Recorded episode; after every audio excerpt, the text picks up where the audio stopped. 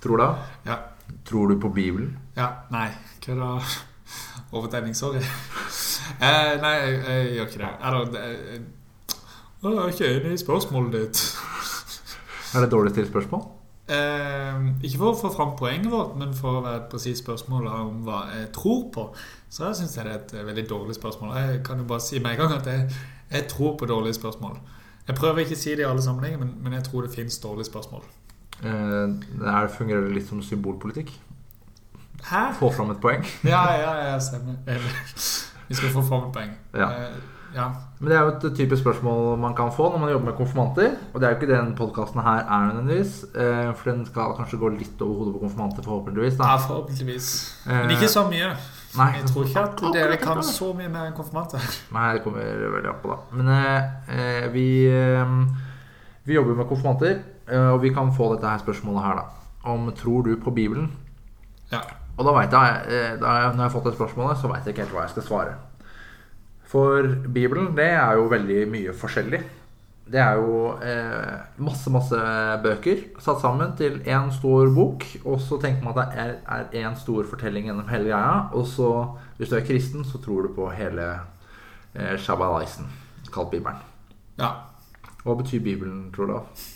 Bøker. Latinsk. Biblia, er det ikke det? Jeg vet ikke. Biblos, er ikke det gresk? Eh, sikkert. Jeg tror det er gresk.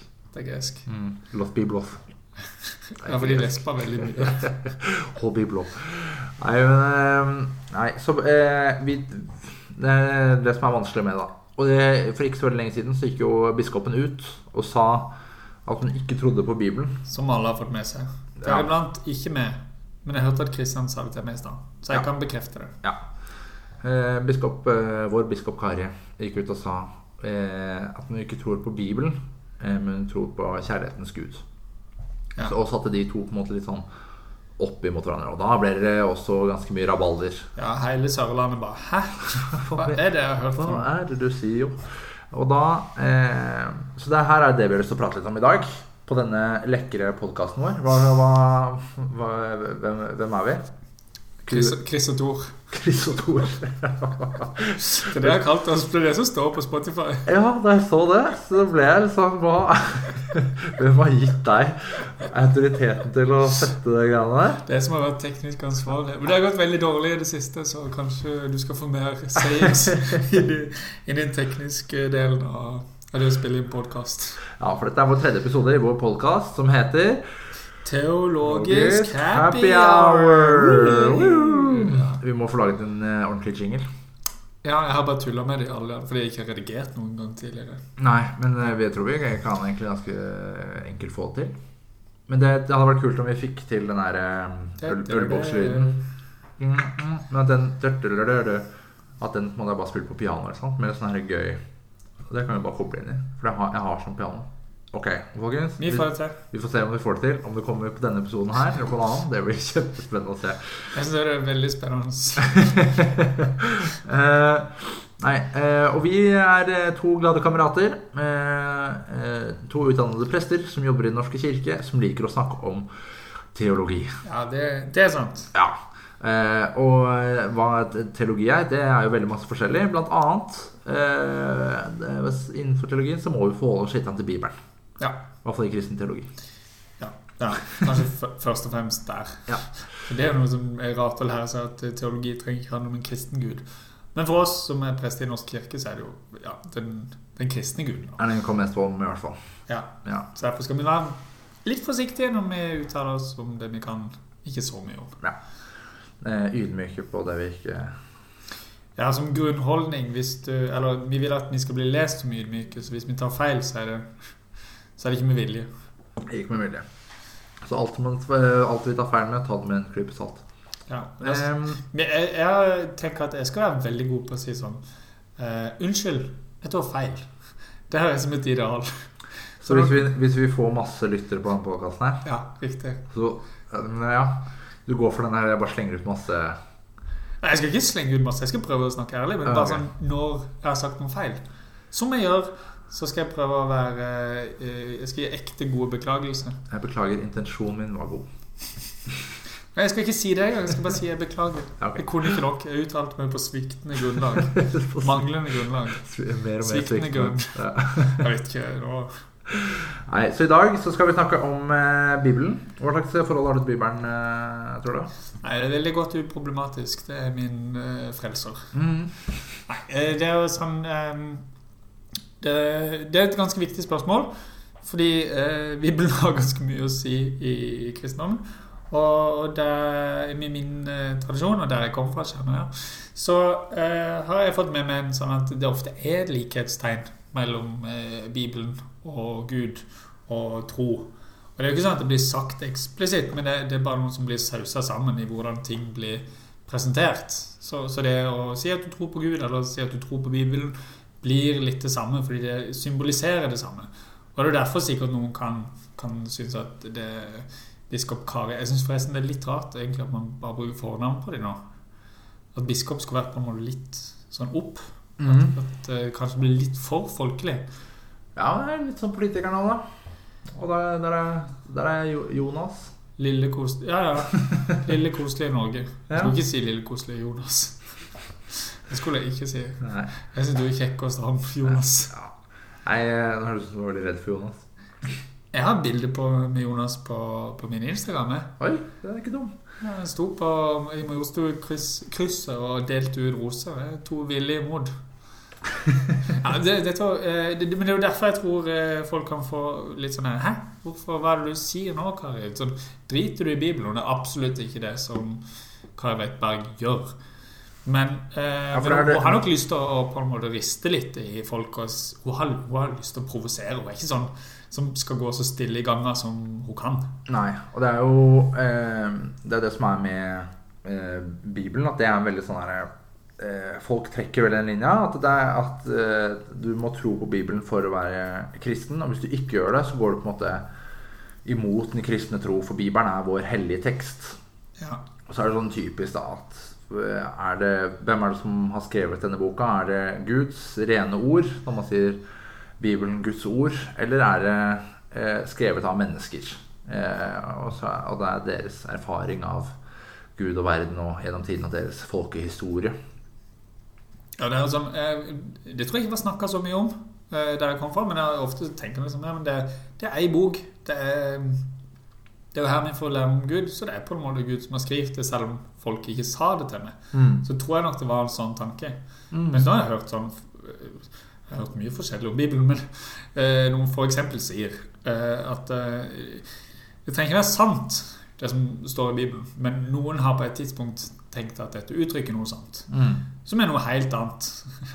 Ja, at du, du må eh, Her forteller vi en historie om noe som er sant, men det vi forteller, er ikke sant i seg selv. Ja. Og det, eh, eh, og det er jo sånn eh, Det første året på MF eh, så, så mange som har noen, opplevelser at da river man fra hverandre troa, liksom. Og da alt det du trodde, er liksom feil. Og, og, og det er nok Det er veldig mange som har hatt den opplevelsen med, med grunnfag. Eh, men jeg, eh, jeg hadde ikke den opplevelsen. eh, Og det jeg leste From som jeg så leste jeg Bibelen året før jeg begynte på MF. Eh, Og det jeg kommenterte oftest, det var spørsmålstegn i margen. For det var sånn ja, men Dette stemmer jo ikke helt med det gudsbildet jeg hadde på ganske mye forskjellige ting, og så er det litt ting som ikke ser ut til å gå helt opp. For, for eksempel liksom, sånn, Av og til så er det Gud som gjør noe, av og til så er det Satan som gjør noe. Sånn, hvem er det som styrer farao, f.eks.? Det er litt vanskelig å vite. Hva var det Jesus sa som sin siste ord på korset? Var det liksom 'Min Gud, min Gud, hvorfor har du forlatt meg?' Eller sier han 'Det er fullbrakt'? Som, jeg la ikke så mye merke til det da, men, men jo mer jeg har lært om det, jo større blir en del av disse forskjellene. mm. Og det er mye lettere å forklare med at ja, men du har hatt ulike forfattere som har lyst til å uttrykke ulike ting, i stedet for at Gud på en måte ikke klarer å lese to tekster samtidig. Mm. For, for hvis man leser det som om alt skal henge sammen perfekt, så, så er Gud veldig dårlig til å se helheten i, i Bibelen. Og da er det, det gir mye mer mening å si at det er, det er ulike forfattere som til ulike tider har prøvd å uttrykke ulike ting, og kanskje gjerne i kontrast til noe av det som har vært andre viktige kilder. At du prøver å korrigere noe som andre gjorde feil. Ja, og her er det jo kjempestor forskjell selvfølgelig mellom Gamle testamentet og Nytestamentet. Eh, hvor man har et tendens av det Gamle testamentet, men det Gamle testamentet er jo på en måte en lang historie vevd gjennom eh, muntlige fortellinger gjennom eh, eh, tusen av år. Eh, og som til slutt er blitt satt sammen gjennom flere bøker der også.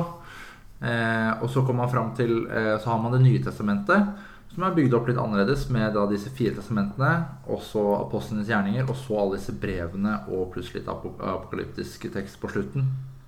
Eh, mens, og på en måte er en mye mindre og skrevet i sin tid også. Så hver eneste tekst her er skrevet i sin tid for å svare på noe forskjellig i akkurat sin tid, som man ser i Det gamle, gamle testamentet. Hvis de var, mens jødene var i fangenskap i Babylon, så var noen skrifter skrevet, bl.a. skapelsesfortellingen mest sannsynlig, for å si noe om eh, hva de trodde om skap, eh, skapelsesfortellingen, for å svare på noen spørsmål. Ja, gjerne noen spørsmål som er i sin tid. Mm. Og det husker jeg jeg hørte.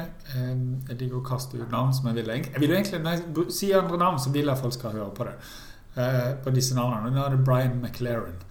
Uh, og han har som en nøkkel når han leser bibelske tekster og teologi eh, generelt, når jeg sier teologi, f.eks. trosbekjennelsen eller andre ting Hvilket problem prøver man å løse med denne teksten? Og det er ganske nyttig. sånn for å ta trosbekjennelsen som, som, eksempel, så er det jo sånn hva, hva, er det man prøver å løse? her? er jo mye drift og krangler om hvem som skal få lov til å være kristen, og dette er det vi krangler om.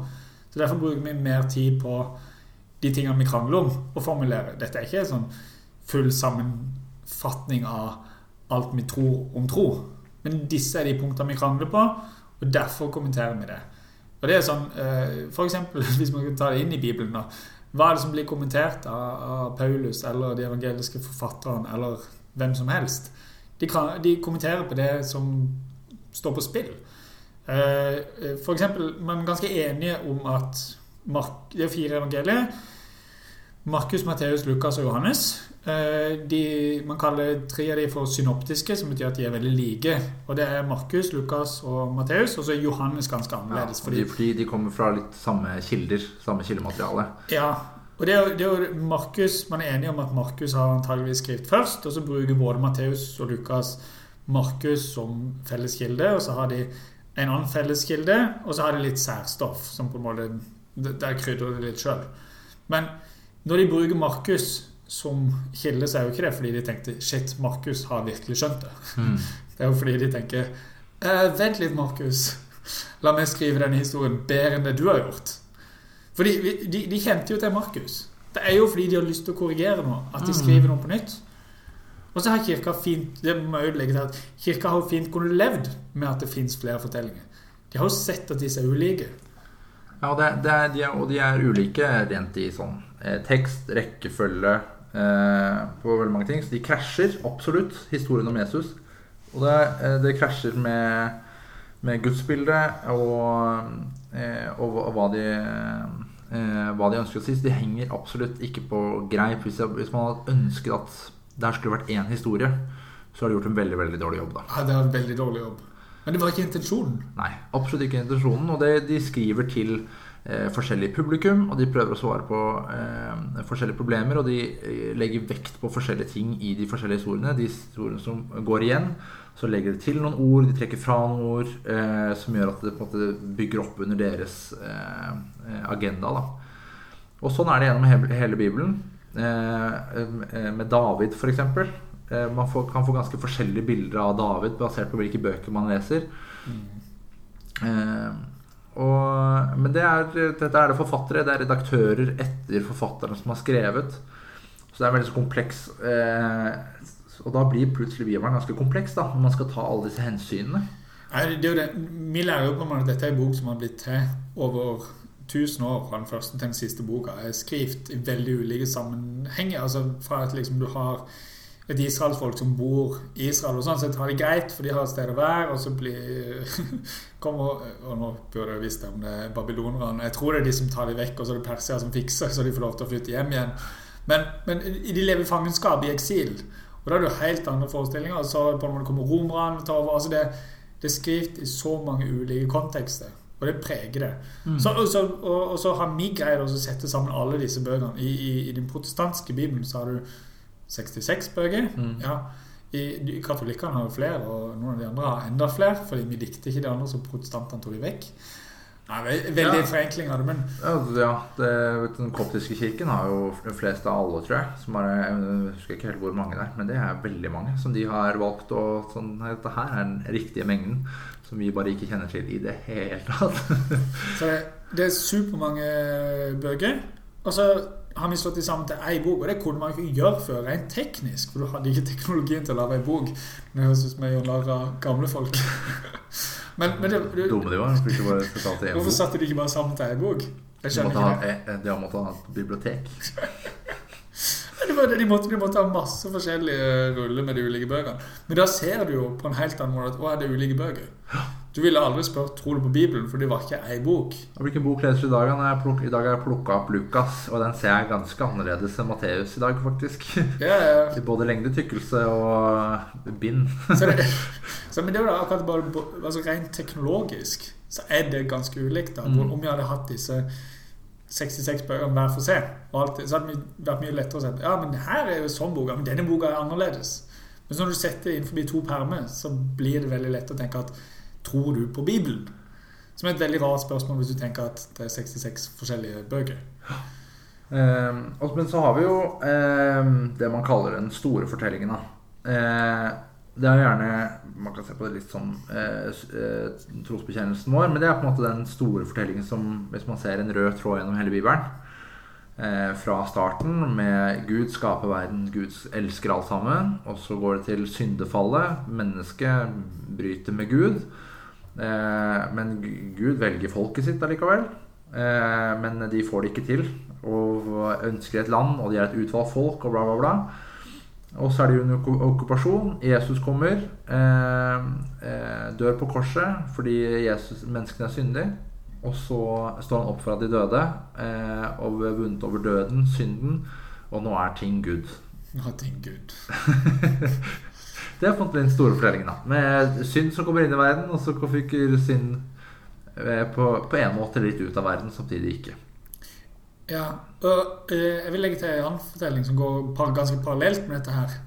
Som har med fortelling om, om, om at mennesker blir mer og mer kjent med Gud.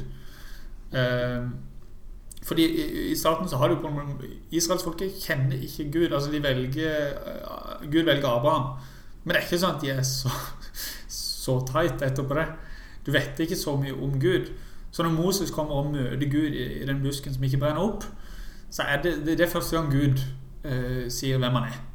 Hvem hun er. Hvem henne. Hvem Gud er. Eh, og så utvikler seg så, så kommer Gud inn som en skysøyle og ildsøyle og liksom leder israelsfolket på sin vei ut fra Egypt. Og så lager de tabernaklet, telt, som Gud flytter inn. Altså det som skjer, altså det, Du hadde en Gud som du ikke visste hvor var, som kommer nærmere inn i det teltet som er midt iblant oss. Og så bygger du et tempel hvor Gud flytter inn. Eh, så, så du har, og ikke bare tempelet, det, skal, vi- det lærte, lærte i hvert fall jeg. At vi hadde flere templer. Bare sånn, Hæ? Var, var det ikke monoteistisk religion? Var det ikke bare én gud? Og, eh, ja. Ikke der jeg hadde lyst til å gå i det hele tatt, med den eh, sammenfatninga av den store fortellinga. Men det som skjer videre, er jo det at Jeg jeg husker ikke hvor mange evangelier det står i, men når Jesus dør, så blir alt mørkt, og forhenget i tempelet, innerst i tempelet, der, liksom, der Gud bor, som er det aller helligste, hvor du nesten ikke får lov til å gå. Hvis du går inn, så dør du kanskje. Mm. det revner, og alt blir mørkt. Ild, lys, bilde på Gud. Hvor er Gud? Og hva er det som skjer på pinsedag? Jo, alle får flamme over hodet sitt. Det er Gud som ikke er i tempelet lenger, det er Gud som er overalt. Og det, Mm. Dette er jo en stor fortelling om at Gud blir bedre kjent med mennesker. I stedet for å være adskilt fra mennesket, så lever Gud nå midt iblant alle. Mm. Det er jo eh, Man må ikke sette det nødvendigvis opp mot hverandre, men det er jo litt hva man velger å eh, vektlegge. Eh, og man blir ofte kjent med den La oss kalle det den store fortellingen. Eh, med på en måte syndefall og synd og gjenoppret gjenopprettelse. Relasjon mellom Gud og mennesker. Eh, men du kan også se på Bibelen som eh, menneskers møte og forståelse av Gud gjennom sin kulturelle kontekst. Gjennom, eh, gjennom jødene og eh, de, gjennom de tidlige kristne. Hvordan er det de møter Gud? Så møter de eh, Jødene møter Jesus plutselig, og Jesus møter eh, menneskene, og så har Jesus sin forståelse av hvem Gud er. Og så plutselig får man et helt annet bilde av hvem, hvem er det Gud egentlig kanskje er. eh, Og sånn endrer vårt syn på, eh, syn på Gud, og, og, muligens også på en måte Guds relasjon med menneskene også underveis. Eh, som en, måte alternativ da, til den der klassiske syns eh, som blir veldig sånn abstrakt og metaforisk. da Eh, men det er jo også kanskje sånn man kan se i Bibelen litt. Det her er menneskets forståelse og metaforer for vår møte med, med, verden og det som er større enn oss selv. Som vi ikke har ord for eller språk for. Og så må vi klare å sette noe språk på de nye opplevelsene vi har da, av verden rundt oss. Det vi fortviler oss med, og de gledene man har. Og så knytter man til noe større enn seg sjøl. Ja, jeg tror vi ble litt uh, fucked av en del av reformasjonen. Fordi Nå kommer vi til å få sånn eh, explicit greie på Spotify. Ja, men jeg hooka opp at vi er explicit. Oh, ja.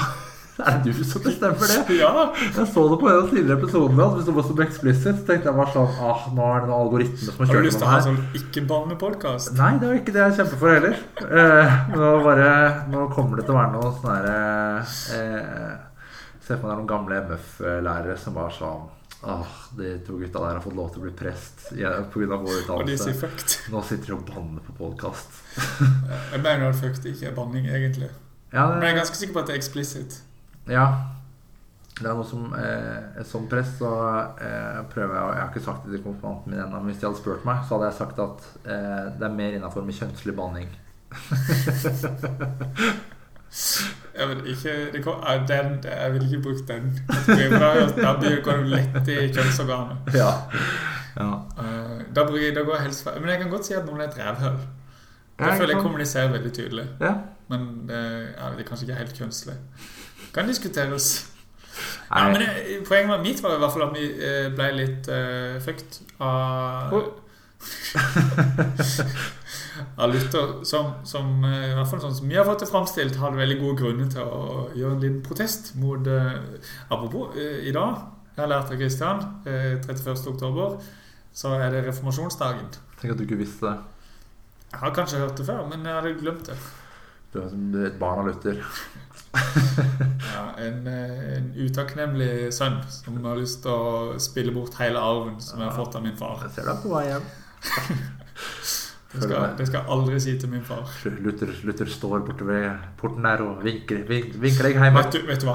Han løp, og det var ikke vanlig å løpe på den tida. Men skulle ikke løpe. Da mistet de verdigheten sin.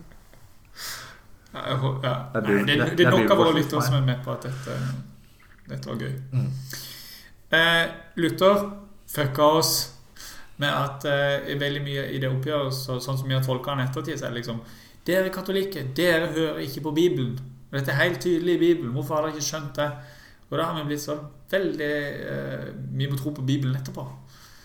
Eh, og, og, når du reduserer fortellingene til tror du at det skjedde eller tror du ikke det skjedde, som er fort sånn moderne øre hører det, så, altså, ja, så, så, ødelegger du historien. Eller du ødelegger ikke, du gjør den veldig mye kjedeligere enn den kunne vært. Hvis du spør deg sjøl hvorfor er dette en fortelling som folk har brukt og lest og liksom kjempa med og finne ut hvordan skal jeg forstå meg sjøl i møte med verden gjennom disse tekstene. Mm. Eh, I stedet for å tenke Tror jeg dette skjedde? Nei. Ferdig med den. Tror jeg dette skjedde? Ja. Mm. Ferdig med den. Jeg syns en bra formulering du uh, hadde en gang, var at det å lese Bibelen, det er ikke, det er ikke en quiz-greie. Enten så er det sant, eller så er det ikke sant. Hvis man får noe sånn derre Det er ikke en sånn at du må ha riktig eller ikke riktig om det, er, om det er sant eller ikke historisk. Det er som man kan eh, sjekke av, men det er eh, Hvis du leser Jobbs bok, så er det sånn Nei, det kan hende at eh, det, kan at det var en mann som het Jobb og mista alt av eh, eh, familie og sånn til pest og grusomheter, og som fortsatt elsket Gud. Men poenget er at når Gud gjør dette her med Jobb, så er det på en måte ikke nødvendigvis eh, sant historisk at det var Gud som på en måte lot dette her påføre jobb, men det er hvordan, hvordan eh, de har tolket denne hendelsen i historien og sin kontekst. Da. Ja, og der er det jo på en måte noen som til, eller, eh, Derfor vi hører at jobb har ikke gjort noe galt. Mm. Hvorfor skjer det gale ting med folk som ikke har gjort noe galt? Er ikke Gud rettferdig? Eh, og der, der, det er jo veldig menneskelig. Mm. Så hvis man tolker det sånn, det bør man, så er det sånn Ja, vi mennesker kjenner på at Hvorfor skjer det fæle ting med gode folk? Og der er det eh, en historie som, som kan gjøre det Som kan sette opp at vi kan begynne å tenke på det og snakke om det. Hvorfor skjer det fæle ting med gode folk? Uh, I stedet for fantes jobb eller ikke. Det, Mm. det er ikke spørsmålet. Nei. Og det er noe Bibelen er veldig flink på. Eh, så er det å fortelle, om, eh, fortelle gode historier om folk som eh, Og veldig menneskelige historier. Om folk som eh, eh, driter seg ut og ikke får det til. Til at de plutselig får det til. At de får støtte fra den eh, underprivilegerte statusen de har. Eh, til at de får en styrke og en tro på seg selv og med sitt folk. Eh, og blir reist opp fra uverdige forhold til verdige forhold. Eh, og folk som tror at de har fått til denne verden og ikke får det til. De har masse spennende, gode historier som forteller om helt men enkle menneskelige situasjoner. Men med ganske sånn En del av de historiene er ganske sprø. Ja. eh, og det samme Vi kan, med vi kan innrømme det. ja, og akkurat som vi snakket om i forrige episode, eh, så mange av de tingene som skjer med eh, som historien om Jesus, de er ganske sprø eh, historier. Ja. Og eh, hvis du skal må forholde deg til dette her som 100% sant, det som skjer med Jesus, så er det dritvanskelig å være kristen. Ja. ja. for du, du, må, du må forholde deg til at, at Jesus gikk på vannet og ble født av, ble født av jomfru, og lese Bibelen bokstavelig, hvis du skal tro på hvert, alt, hvert eneste ord som eh, står eh, i evangeliene, i tillegg til at de er motsigende. Men det er jo, det er jo mye av det er jo mye bare fullstendig misforstått hva slags sjanger Bibelen er. Eh, og, og her er det jo altså Dette er ikke sånn at det er lett for, for eh, men, men det er jo ingen som leser Ole Brumm og, og tenker sånn Nei, det er feil. Ole Brumm har ikke finnes. Men det er fordi alle skjønner sjangeren. Men, mens der misforstår vi veldig med Bibelen. Men da, hva sier jeg da? Betyr det at Jesus ikke fantes? Betyr det at Jesus ikke er Guds sønn? Nei, det trenger ikke bety det heller. Men det kan bety at dette her er litteratur som kan ta utgangspunkt i faktiske hendelser. Og det der er det veldig nyttig f.eks. å skille mellom den historiske Jesus, altså det mennesket som var Jesus og levde, og den litterære Jesus. Og så kan jeg si den litterære Jesus eh, i hvert fall, altså, Evangeliene har fire forskjellige Jesuser. Paulus har eh, en annen Jesus. Og så er det ikke Paulus som har skrevet alle brevene som er tilknytta. Men noe annet er jo på sk- Paulus skriver kjempelite om Jesus. Jeg kan altfor lite om det, men jeg bare vet det. Så hvis noen driver og leser veldig mye Paulus, prøv å legge merke til mye han skriver om Jesus. Jeg virker ikke som han har så veldig mye tilgang til eh, evangeliene som Nei. tekster. Han skriver Eh, veldig lite om Jesus sitt liv, men det, det er Jesus eh, død og oppstanden, eller noe sånt, og korsfestet. Altså, det er veldig mye kors, og at han er oppstanden. Han har fått med seg det, men på en Mm. måte det som utgjør hoveddelen av evangeliene, som jo er Jesus sitt liv og virke, det virker det, det har i hvert fall ikke Paulus behov for å kommentere. Mm. Ja, og det, det, det, ja, det, er- snakk om eh, dåp og mye forskjellig sånn sakramentsmessig, men ikke så veldig mye nattverd heller. Men eh, det, er nok noe, å, å, dele, å dele brødet, men, eh, men ikke noe nattverd som det, som det ritualet som man har nå. Så er, eh, Paulus har absolutt helt sitt eget bilde av, av hvem Jesus er, sammenligna med oss heldige oss, da, som får lov til å sitte med, med alle de fire andre personene. Ja, ja, i hvert fall. Det, det er jo ikke, altså, Paulus skriver jo brev. Det var ikke sånn Paulus jeg, jeg tror Paulus hadde tenkt seg om tre ganger til. Hvis han skjønte at det jeg skriver 2000 år seinere skal hele verden sitte med den brevsamlinga som han skrev i affekt til en menighet han var litt irritert på. Ja, fordi altså, han, han er jo i han er i en situasjon hvor han eh, kommer, går rundt og forteller de gode nyhetene om at du trenger ikke bli omskjært. Og du kan fortsatt få lov til å bli frelst, som jo er helt fantastisk. For før så måtte du bli omskjært for å bli frelst, og så er det helt uavklart når jeg sier hva som betyr å bli frelst her. Men det er jo helt fantastisk å kunne melde til folk du slipper å bli omskjært. Men så kommer det noen etterpå han og sier sånn ah, Paulus er inne på ganske mye, men, men du må nok fortsatt bli omskjært. For eksempel, altså du, du blir jo sur da. Du har jo Ja, lyst til å skrive litt i affekt. Ja, ja, ja. Og det er eh, eh, Jeg er veldig fan av historien fra, om eh, Augustin, eh, som jeg alltid har likt eh, veldig godt. Og han, eh, en av liksom de originale kirkefedrene eh, Jeg husker ikke helt hvilket århundre han levde i. 300, kanskje? 350 til sånn 430. Wow, ok! Vi skal tippe, så Ja, tipper er god. 354. Ja, den er god. Ja, men da stoler på. Han er fra Hippo. Ja, ja, ja. Eh, Nei, det var han ikke. Han ble, han ble biskop der. Ja, ok. Jeg har tre ganger prøvd å lese gjennom av hans mest kjente bøker som heter 'Bekjennelse' eller 'Confessions'. Jeg, jeg, jeg stopper alltid. Ja, men eh, det er veldig eh, Men hans historie Han eh, eh, hadde ikke lyst til å bli kristen, sånn som alle gode kristne er. Eh, eh, har ikke lyst til å bli kristen, så har han en sånn omvendelsesopplevelse. Det er jo sånn klassisk lagt opp, da. Så det er litt sånn mytisk, eh, det også. Men det at han nekter, eh, og så at han setter seg i en hage. Eh, eh, og så hører han eh, noen stemmer som sier 'plukk, eh, plukk meg opp, plukk meg opp', plukk meg opp. Og så skal han liksom begynne å lese teksten.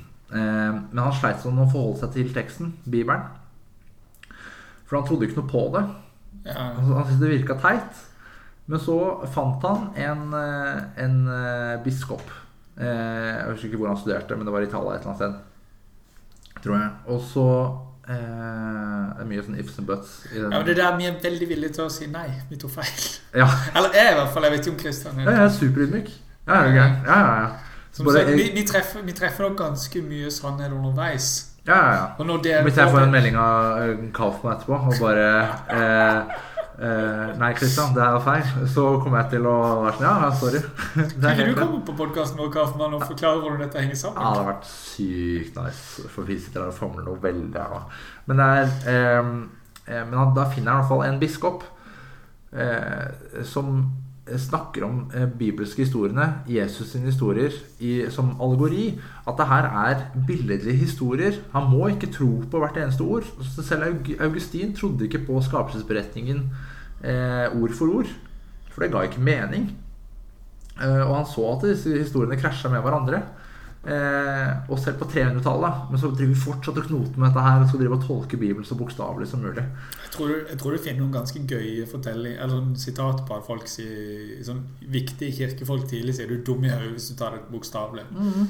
Eh, men det, det er en helt annen tid. Man forholder seg til tekst på en helt annen måte. Så det, men det- det er noe av det vanskeligste fortsatt med å forstå at Det er ikke bare at de hadde, min, de hadde annerledes teknologi, men du hadde et helt annet verdenssyn.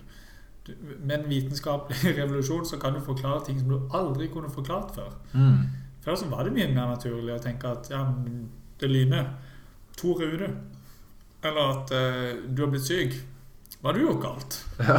Hvorfor, driver- hvorfor driver Gud og straffer det? Handler har jo konsekvenser. Så det, Ja, ja, ja, men altså, ja, det er helt annen tid.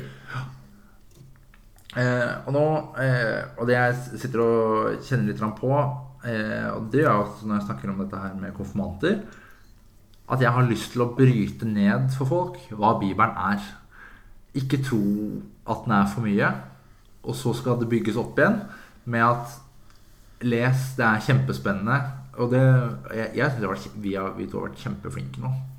Eh, eh, fordi vi har både snakket om liksom ikke tro på, ikke tro på Bibelen. Men så, tenkte så er det ganske mye spennende her. Du kan lese det på ganske sånn finurlig artig måte, det har noe med livet ditt å gjøre. Det er akkurat det vi har lyst til å prøve å si. Eh, for at det, Bibelen mister ikke sin relevans, men den er, den er ikke så svart-hvitt som man har lyst til at den skal være. For det trives vi veldig godt med. At vi kan bare si sånn Dette her er riktig, dette her er feil. Og så er det enkelt å forholde seg til. da Eh, Men livet er ikke så eh, Livet er ikke så enkelt, og da er ikke biverne heller. For den forholder seg såpass tett i livet. Du, man bør vite hva slags litteratur det er Ja. når man leser. Og så eh, eh, kan du lese det uten å Du kan lese Bibelen uten å kunne noe av dette her i det som noe som helst. Ja. Eh, men når du da eh, møter på noe som krasjer helt med din eh, livserfaring, eh, så har du lov til også å stille- spørsmål ved det. Det er det som er fint. Eh, og ikke ta det som at dette her er eh, faktabombastisk. ja, nå er det dommedag. Jeg må bare Jeg vet ikke hva vi må. Ja, hvis jeg ja, Jeg beklager, Gud, hvis det her var Jeg vet ikke hva som skjedde. Det, Ikke det, vi er på ditt sted. Ja. Det var ikke noen som ringte på? Nei. Den lyser jo ikke. Kanskje det er utenfor der? Så nå er det en gjeng med blodtørstige Nei, de er godteritørstige, godterisultne. Unge som kanskje står ut forbi døra til Christian. Han kikker ut gjennom nøkkelhullet. Han så Han kikker Han har ganske dårlig syn, så han må kikke lenge. Men han har på seg briller. Det er noen som har dekket til den der. Skal jeg bare åpne opp og se? Det er som har dekket til. Han kommer til å bli skremt nå. Vi har live-podkast. Og det viste seg Det var det skumleste jeg har opplevd. Du kom på drithøy piper. at det var kjæresten hans. Eller jo, en Emilie. Å, hjelpes! Ah, ok. Så sykt det der. Vi legger, av. legger på. Ja, det der ble jo en liten pause, da. Ehm, Det er siste gang jeg sier fantastisk bombast... Nei, nei, hva var det jeg sa for noe? Faktabombastisk. Fakta bombastisk. Da kommer Gud. Ja. Det viste seg at det var eh, ringeklokka.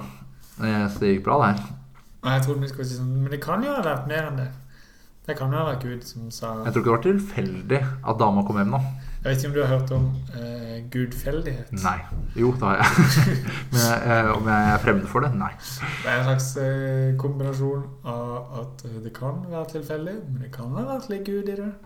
Det det er jo som at eh, Hva er sannsynligheten for at Bibelen skulle overlevd til å være akkurat sånn som den er i dag, helt fram til nå? Er det tilfeldig? Ja, det er kanskje Gud en liten finger med i spillet? jeg har jo hørt ekte andakter da jeg var ungdom, om liksom gudfeldighet og folk med innlevelse. Nei, nå, dette, nei jeg skal, vi er en glad podkast. Jeg trenger ikke slakte sånne ting. Jeg er ikke så fan av konseptet gudfeldighet. Eh, jeg er veldig fan av konseptet. En ting som jeg har begynt med eh, det siste eh, året eller to. Eh, det er vanskelig å være ateist nå.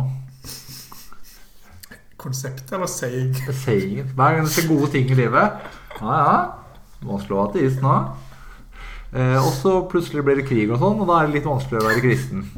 Med et visst gudsbilde, da. Men det er noe så. Men, det, du kan ikke ta en sånn on a happy note. Nei. Og det, er å være kristen nå. det, er, det er litt kjedelig for ateistene. For de må være sånn Nå må man være ateist. Mens vi kan være sånn Det er vanskelig å være ateist nå. Ja. Det er veldig godt innsalg for å være kristen. Ja, men det er sånn eh, det Ja, det er veldig, veldig sant.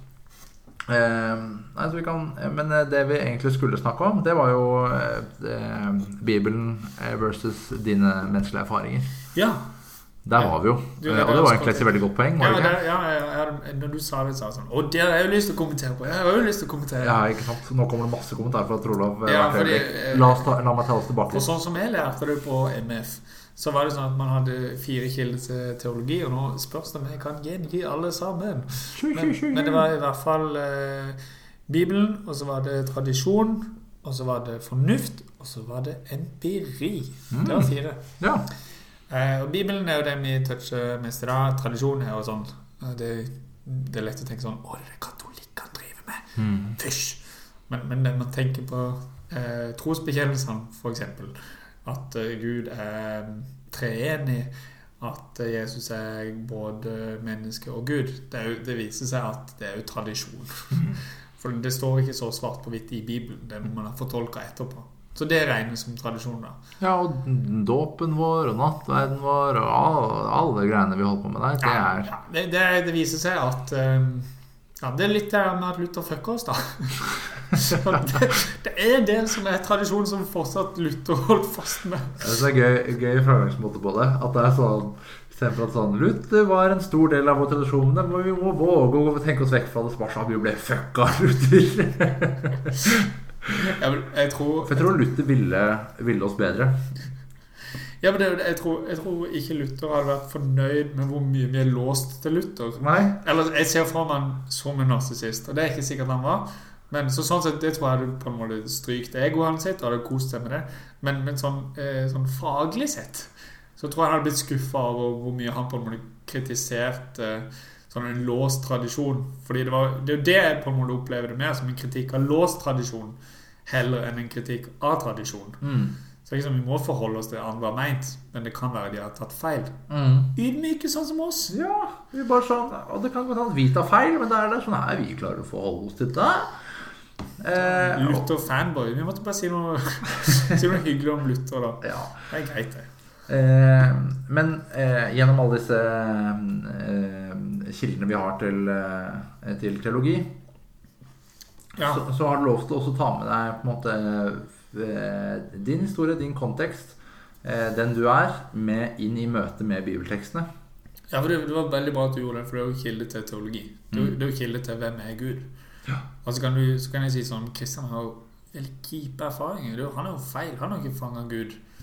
Så skal jeg si det. Det har ikke jeg heller. det har ikke du heller. Og det er sånn, eh, men det er på en måte Jeg vil i hvert fall ha veldig sterkt at vi skal slutte å på en måte bare finne sånn Men du har feil. Men mer sånn Ja, men hva, hva, kan, kan Gud være litt sånn? Og åpne opp der istedenfor de det er det, Vi greier ikke fange Gud i våre bokser. Så vi må liksom greie å gi litt slipp på det. Og så finnes det altså, det finnes like mange gudsbilder som det finnes kristne. Og så er det noen av de som jeg tenker Jeg tenker de er sunnere. Jeg tenker de er eh, mer eh, worthy of worship. Jeg har ikke noen gode verdige tilbedelse. Det, det høres Det det er- klinger ikke Ja, på det er veldig 37 holdt jeg på å si Bibelen. Men er, er det 37? 32? Nei, 30. 30. 32. Eh. Jeg er ikke helt sikker på det. Eh, Det er jo gamle norske oversettelse. Det er den hellige tvåde ditt navn, Ja. Fader våren. eh, men jeg Hvor var det vi var hen? Det, det handler om vært eh, å, å, å tilbe. Ja, ulike gudsbilder på en måte. Jeg prøver ikke å si at alt er like bra. Men, men, men det trenger ikke heller handle om å bare bryte ned andres gudsbilder. Eh, og det er jo eh, Jeg syns det blir gøy å rape det. Eh, forresten, hvis du prater Jeg tenkte sånn, Det kan man høre. Det er en å drive man. podkast på. For sånn, sånn kan skje, for så har man ekstra luft. Det kan være det er redigert ut. Vi skal prøve sånn AI, ja, AI-redigeringsprogram i dag. Kanskje noen sladrer ut at du banner, tror du. Kanskje ingen skjønner det. Men vi huker av på explicit. Ja, det får gå bra. Um, men det er det som også har vært spennende i de siste årene, at det har kommet nye lesninger av Bibelen som på en måte er blitt mye mer formalisert. Eh, gjennom f.eks. feministisk eh, teologi og eh, eh, bibellesning. Eh, og fra sånn eh, eh, liberaliseringsteologi. Hvor man leser fra andres perspektiv. Da. Feministteologi er leser fra kvinnenes perspektiv i Bibelen. Ofte er jo alle bibeltekster, eller gjennom tider, så har det alltid vært mennene som har styrt hva Bibelen betyr. Hvem som har skrevet det, og hvem som har fortolket det. Nå prøver man f.eks. å snu litt på det. Hvordan er det å lese fra, et, fra en kvinnes perspektiv, både i den konteksten og i vår kontekst? Eh, fra folk med, som ikke er hvite i huden. Hvordan leser de denne teksten? Hvordan møter de denne teksten? Både eh, på da teksten ble skrevet, og nå. Så åpner man opp nye eh, perspektiver som kan gi andre bilder på Gud, som ikke trenger å være eh, mer riktig. Men det er andre perspektiver på Gud. da Ja, det er jo når vi i større grad eh, tar hensyn til erfaringer. Og, tenker, og det jeg husker Jeg har ikke gjort det sjøl og har ikke nok oversikt til å på en måte kunne ramse opp de bibelversene jeg refererer til nå. Men jeg hørte om en professor som Her er verken jøde eller greker, mann eller kvinne. Var det det du tenkte på? Nei, ikke det her. Ah, Eller, eller han kom jo inn på det slave eller fri, så det var slave jeg skulle inn på. Så vi, Ah. vi kan gi deg eh, en dusk. Ja, det pleier, det pleier ofte å være det vi Jeg gjorde. vet ikke om jeg vet det, men på en måte tre nesten Kanskje fire, tre eller fire nesten rett i en quiz. Det er én dusk hver, og så får du et poeng. Så en dusk er mindre enn et poeng. Så du får ikke, du får ikke et poeng, men du får, du får en dusk på det. Har du dusk jeg kan få. Ja. Men eh, han har, han hadde hatt eh, forelest og tatt klassen sin og tatt alle de bibelversene som handler om slaveri. Og så, man, så ble man delt opp i lag, og så skulle du argumentere for og mot slaveri. Og hvis du bare går i de bibelske tekstene, så, så ser det ut som om det er slaveri vi skal gå for. vi, skal, vi skal støtte det. Og det er For å være blunt, så byr det meg veldig imot eh, å være for slaveri, da. Oh, ja. Ja. Ut ifra din kulturelle kontekst, da. Selvfølgelig, som alt alltid er.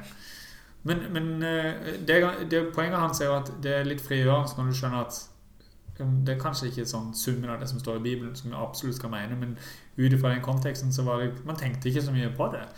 Det var liksom en gitt ting. At, som om det i mye av historien antageligvis har vært gitt, at det det er jo menn som kan tenke, og, og kvinner de kan gjøre andre ting. Passe på barn eller noe sånt. Uh, og det, det, var noe, det var ikke problematisert. Altså, det var ikke tematisert. Mm. Men, men nå når vi har begynt å tenke på det, så var det sånn Ja, men det kan jo være Ja, jeg tror kanskje at kvinner er like mye verdt som menn, og kanskje de òg kan tenke. Eh, Når jeg sier det, det, det var, Jeg, jeg syns de kan tenke. Det jeg tok på meg sånn tullestemme. Jeg vil bare ha det, jeg vil ha det fullstendig på det rene her. Du gjorde det to ganger etter hverandre, og da begynte du å bli sånn Ok, Jeg bare stiller spørsmål. kanskje Altså, de kan det. jeg jeg vet ikke hvordan dette er. Jeg bare stiller spørsmål. Ja, men det er jo, eh, Og samme med Det kan man se med veldig mange andre ting også i Bibelen, da, som ikke er aktualisert i det hele tatt. Eh, eh, jeg lurer på det eh, Dan McClellan, som har vært veldig på at sånn homofili, f.eks. To menn som elsker hverandre, to kvinner som elsker hverandre.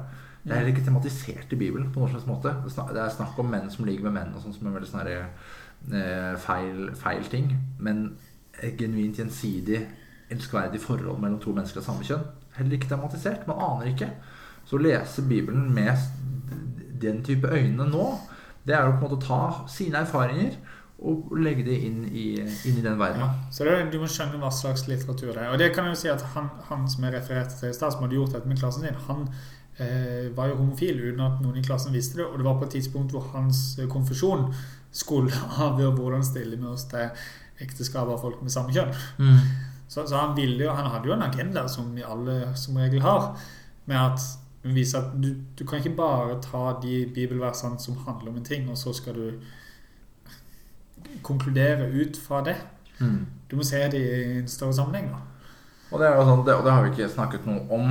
Eh, men det er jo sånn eh, Jeg prøver bare å sette meg inn i hvis jeg hadde vært, hatt en veldig sånn herre eh, Kall det mer tradisjonell eh, bibelforståelse.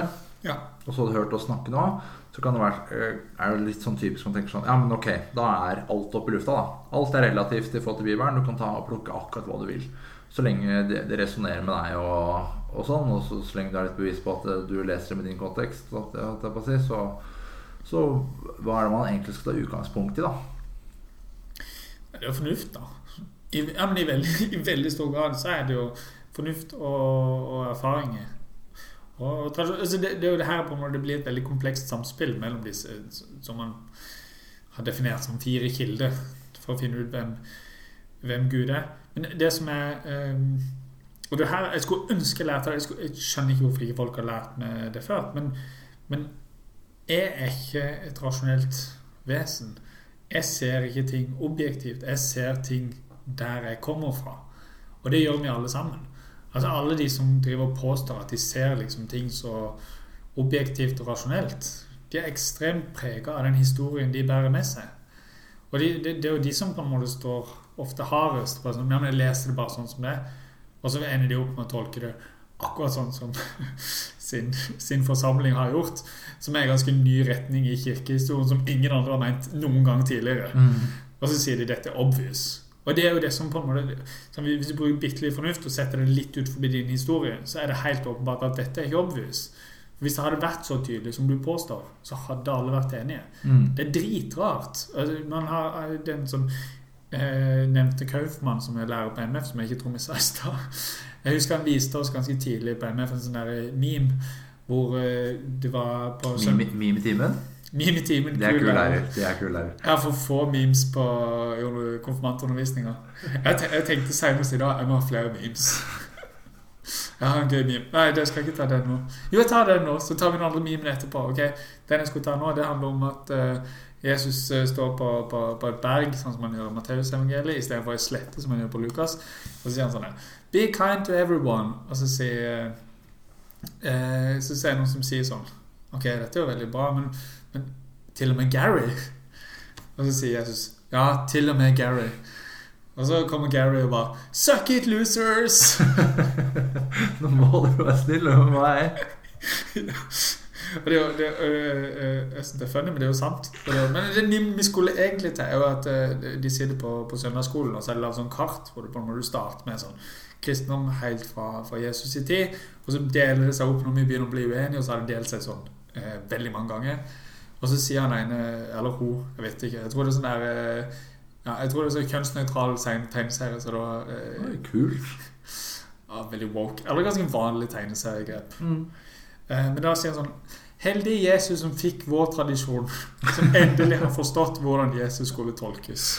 Ja, det er vi, øh, og det, det, det, det er noe av det gøyeste jeg veit om. Spesielt hvis man En ting er Den norske kirke, Øh, eh, men de utbyggerne av Den norske kirke igjen, som da sitter på den ultimate eh, eh, sannheten om hvordan fortolke Bibelen, eh, som er en avgrening av en avgrening av en avgrening av en avgrening, av en avgrening som bare er helt umulig langt tilbake. Og så er det vi som sitter med sannheten. Det er jo helt rått. Ja, det, Vet du hva det er? Det er lite ydmykt. Er det. det er utrolig lite ydmykt. Vi kunne aldri funnet på det. Vi kunne, vi kunne, vi kunne aldri funnet på å si noe sånt. Ja, men, men det, det her mener sånn for opp litt sånn. Ja, men dere gjør det samme. Dere liker like knallharde. Eh, nei, for jeg skjønner at noen andre har tolka det annerledes. Mm. Jeg er ikke sånn Dette er åpenbart sånn det må tolkes. Der, der mener jeg det er en sånn stor prinsipiell forskjell på at jeg mener at det er noen ting som eh, gir mer mening å tolke det som. At det ut ifra den kunnskapen vi har, så er dette en bedre tolkning. Eller f.eks. at dette er et gudsbilde som er mer worthy of worship. Som er jo et poeng. altså på en måte Hvis Gud er helt forferdelig, hvorfor skal vi bry oss om Gud da? Mm. Så det kan godt være Gud fins, men det er ok, ikke helt lyst til å tilbe Gud. Altså, det, jeg har ikke hørt det formulert sånn, så for det er ikke så lenge siden jeg hørte det. Men, tenkte sånn, men det er et godt poeng. Mm. Hvis Gud er en diktator, da, på en måte kjip, ja, da, da får Gud bare være Gud. Jeg driter i, i det, da. Men det er det er en men, forskjell. men det at- gudsbildet fungerer bare hvis man har en trussel. Ja. Ja, men det gjør det. Hvis, du, hvis Gud er skikkelig kjip Ja, ja. eneste, altså, det er ingen grunn til å på en måte heie på Gud eh, eh, hvis Gud er skikkelig kjip. Eh, med mindre du har en trussel så du havner i helvete eller noe. Ja, Han bare sånn, ja, men han, Gud suger, ja. Han der slemme fyren oppe i skyene Han er kjempeslem mot meg, men jeg har ikke noe valg. Jeg må tilbe. Hvis jeg ikke tilber ham, så kommer jeg jo rett til helvete og blir pint i evigheten. Dette er jo funny, for ingen har lyst til å fortelle seg sjøl den fortellinga. Nei. Om at du liksom er redd for Gud. Så istedenfor så lager du sånn Ja, men Gud er egentlig bare veldig hellig. Det Ja, det er ikke sånn, det er ikke noe sånn uh, Gud er egentlig snill. Det bare, det bare høres veldig rart ut, for vi skjønner egentlig ikke hva rettferdighet er, hva kjærlighet er. Så hvis, vi bare hadde skjønt det, så hadde vi sett at denne ik- Nei, ikke diktator. Nei, nei, nei. nei. Er allmektig og, god og kjærlig Gud. Vi bare, vi, bare skjønner ikke hva kjærlighet og rettferdighet er. Ja, så du bare tål denne smerten, og så kommer det til å bli bra. Eh, nei, det er vanskelig å si. Det har i hvert fall ikke vår menneskelige erfaring noe å si. Og det er veldig vanskelig å forholde seg til. Eh, Syns jeg. Jeg vet ikke om jeg greide å få fram den prinsipielle forskjellen. Jeg mener at, det er at jeg forstår at andre leser annerledes. Og det syns jeg en del kristne som på en måte står beina opp på at de har sannheten. jeg syns ikke de viser det. Sånn, jeg, jeg kan være grunnleggende uenig i hvordan du leser Bibelen, hvordan du forstår Gud, men jeg skjønner veldig godt at fordi man er ulike folk og kommer fra ulike steder, så forstår man det annerledes. Mm. Og det, det tenker jeg er et veldig viktig aspekt med, med reell ydmykhet. da. Ja, og så er det jo, er jo ikke det ensbetydende at man skal eh, bare gi en stor tommel opp til alle mulige forskjellige bibeltolkninger. Eh, eller forskjellige teologier. For, Yes. for når vi tenker veldig mye av eh, teologi er veldig skadelig for mennesker, sånn som den vi snakka om nå, eh, hvor Gud eh, straffer deg, f.eks., hvis du eh, ikke gjør eh, de tingene som Ja, Hvis vi skal gjøre det mer konkret, så er det jo på en måte sånn eh, Barnet ditt dør i kreft, og du er ikke bedt nok. Hvis du bare hadde bedt nok, eller bedt mer riktig, eller hva enn, så Mm. hadde barnet ditt blitt helbreda. Dette er helt, helt reelle eksempel. da. Ikke, Ja, ikke for de fleste kristne, men, men det, det, det, Gud blir jo brukt på den måten. Ja, absolutt. Eh, og det kan være så tydelig som du sier der, eller så kan det være bare bakt inn i masse greier. Eh, og det, det skal man jo snakke imot, men allikevel skal man ha en forståelse av hvorfor folk har havnet med den teologien. Eh, og så har vi lyst til å snakke imot den, og så har vi lyst til å tilby et bedre alternativ. En teologi som ikke er så ræva. En, en teologi som gjør at du kan åpne opp, eh, åpne Bibelen og tenke at dette her er kanskje noe jeg faktisk kan forholde meg til. Selv om det er eh, crazy historier som ikke høres ut som kunne skjedd i 2023. Ja, det kunne kanskje Kunne kanskje ikke skjedd i 2023. Nei, folk tar smarttelefoner og sånn. Ja. Det var derfor Jesus kom igjen. Han måtte skynde seg litt. Før før man hadde teknologi. Før, teknologi, før teknologien kom. Det er et sånn gøy, sånn gøy spørsmål. Eh, det er jo tilhører en Jesus-episode. Hvorfor kom Jesus akkurat den tiden han kom? Perfekt timing. Akkurat tidsnok til at man begynte å skrive ned ting ordentlig. Eh, og eh, for seint at man måtte kunne komme inn i sånn eh, modernismen og, og sånn. Så som var liksom for langt igjen. Han var helt perfekt, så han ble akkurat passe mytisk. Gudfeldighet?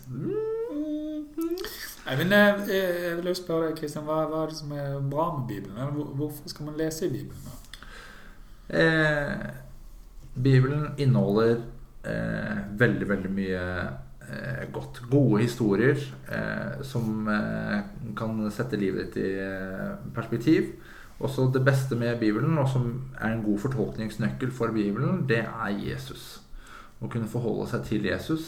Eh, og så kan man bruke Jesus til å også være med å fortolke resten av Bibelen, eh, som vi gjerne gjør som kristne eh, i vår kristne tradisjon, er å bruke Jesus på den måten. Eh, og det er å eh, gi oss et bedre bilde av hvem Gud er. Det er en av våre beste kilder, må man vel kunne våge å si, til hvem Gud er, rett og slett. Å få eh, et innblikk i det ultimate store, hva meningen vår med, her med livet her på jorda er og, og, og for oss mennesker.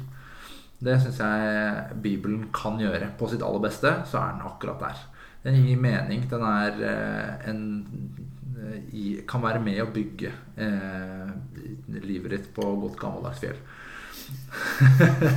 Som er et bibelsk bilde. Ja. Check it up! Check it up. Eh, nei, så, så Bibelen har eh, enormt eh, mye godt med seg og eh, kan være en eh, inspirasjon til et, til et gøy og spennende liv. Det, det, det, derfor syns jeg man skal åpne opp Bibelen. Men for mange er Bibelen kjempeproblem, fortsatt problematisk, som har vokst opp med et vanskelig bilde av Bibelen. Eller vanskelig å åpne opp Bibelen. Det er veldig press på å åpne opp Bibelen. Så syns de det er skikkelig vanskelig. Det er jo eh, så mange mennesker som har dårlig samvittighet daglig fordi de ikke leser nok Bibelen. Fordi det er et krav, på en måte.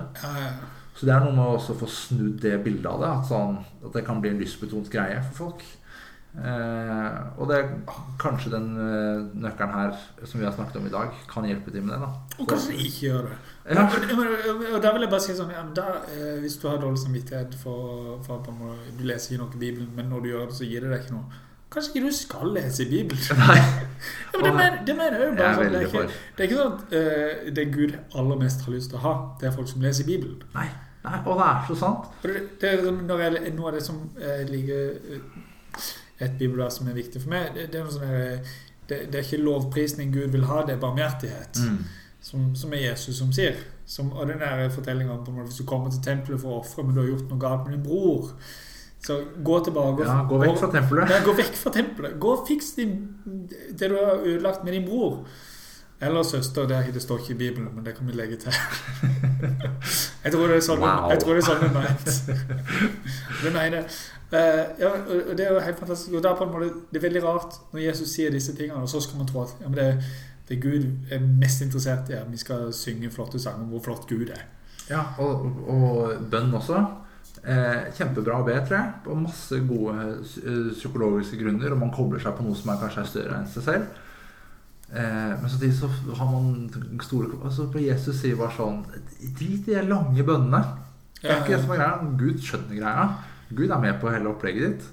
Da er det for deg du skal be, ikke for at Gud liksom endelig skal få peka seg inn på hva som faktisk er problemet ditt. Eh, så Drit i lange bønner med vanskelig, kompliserte ord. Det er bare å eh, være, være til stede. Og hvis du ikke er til stede, så er Gud der likevel. på en måte Ja, ja. Det er, det er altfor mye dårlig samvittighet knytta til dette her. Ja, ah, det, det tror jeg ikke bærer til noe godt. Men eh, ja, på må måte få det vekk hvis det er dårlig. Mer av det hvis det er bra. Det vil livet ikke være. Er ikke det en grei konklusjon, det? Jo da. Det er noe å stille seg bak. Jeg liker å være nyansert. Det vet vi. Jeg digger å være nyansert. Eh, så når jeg sier dårlig samvittighet er dumt, så tenker jeg egentlig ofte at dårlig samvittighet er ganske bra. Jeg skulle ønske verden hadde mer dårlig samvittighet, men, jeg, men på riktige premisser. Men det er en helt annen diskusjon. Det vil jeg bare legge til som er noe som jeg syns er bra sagt. At vi, vi, hver gang man å, Dette har jeg lært i sånn prekenfag. At når jeg eh, snakker om på en måte noe som på en måte skal gi folk litt dårlig samvittighet. Eller noe som skal gi trøst. Man kan, man kan tenke at eh, Jeg har hørt eh, Evangeliet, det du skal gjøre, er at du skal gi de som på en måte er altfor komfortable, de skal du gi utfordringer, og de som er utrygge, de skal du gi trøst. Mm. Men problemet er at folk hører alltid feil. Så hvis jeg holder preken, så er det de som allerede er liksom altfor komfortable, de hører trøst. Mm. Mens de som er utrygge, de hører utfordring. Så Derfor er det dritvanskelig å preke. For det handler om på en måte hvem vi er, og hva som vi lettest hører. Hvilke deler av teksten er det vi henger oss opp i. Ja. Det er ikke så lett å preke. Prøv du! Prøv du, da. Det er derfor jeg alltid har en disclaimer i prekenen min. Hvis du kjenner på at du er sliten, ikke hør på dette her nå. Hvis du kjenner på dårlig overskudd, dette her er til deg. Dette her skal prege deg. på en måte Sier du det? Ja, det har jeg sagt mange ganger. det var bra. Ja. Eh, for jeg vil jo at folk eh, mener at vi alltid kan gjøres litt mer for denne verden. Så lenge man har et overskudd. Ja, ja det, er der er, det er der er vanskelig, fordi det er så lett å si sånn Ja, men det er ikke alle som har overskudd. Ja, Det er greit, det er greit, slapp av da. Det er faktisk ikke det. Men det er ganske mange som har det. Uh, skal vi gå inn mot en eh, landing? Ja, vi, har, har vi, som, vi har ikke noen sånn formalisert landing. Vi har ikke etablert en tradisjon Nei, ikke ennå. Det, det. det, må vi i hvert fall hø- høre fram en eller annen gang. Men det er, det er vår tredje podkast. Hvor mye tradisjon klarer vi å ha? Tredje gang er det en tradisjon, er det ikke sånn? Jo, det er tradisjon at vi lager, tradisjon at vi lager podkast. Det er det eneste vi har klart å formalisere, tror jeg. Ja. Vi har ikke en jingle på plass ennå. Ja, da, da, da, da. Eh, teologisk happy hour. Nei. Men eh, tror du på Bibelen, da, tror du? Eh, nei. Men jeg tror på Jesus som Bibelen er det beste vitnet vi har om Jesus. Jeg roer meg litt inn. Jeg visste hvor jeg ville med setninga, men jeg tenkte ikke Prøv på nytt. Bare prøv igjen. Kan, kan du si det en gang til? Tror du på Bibelen, tror du?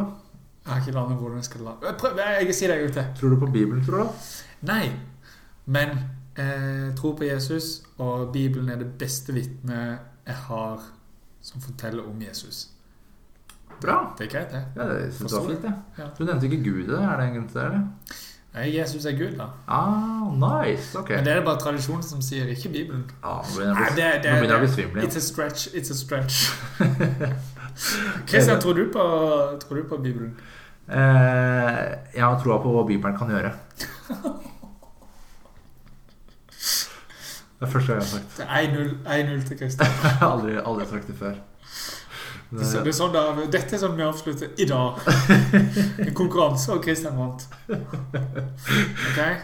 Ja, men Det er kjempebra konsept. Vi stiller et helt umulig spørsmål på starten, så du må svare best på det på slutten. Den beste singelen på slutten der. Ja, men den er ikke dum, men da må du begynne neste gang. Ja, Nå fikk det er du fordelen Ja, absolutt. absolutt.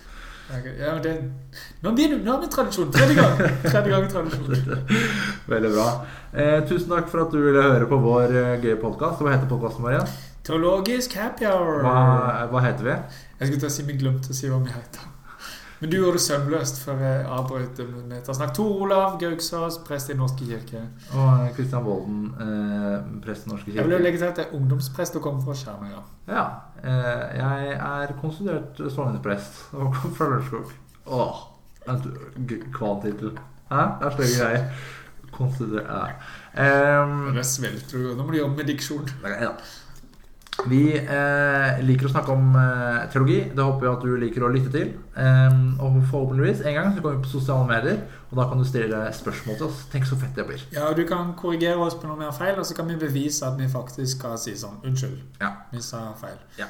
Det går spesielt til deg, Kaufmann, for vi Mm. tenker at du kan mye uh, mer enn oss. Og da kan vi bevise at vi er ydmyke. Det har vi satt pris på. Tenk alle de andre lærerne på MF da, som ikke er nevnt, og er blitt glemt. Jeg tror det var du som begynte med å nevne Kaufmann. Ja, og det er min feil. Ja, så jeg vil bare si at alle de andre lærere, det er Kristian som foretrakk Kaufmann.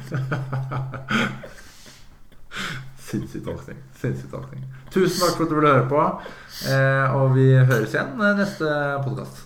Ja. Ja. Ha det. Ha det!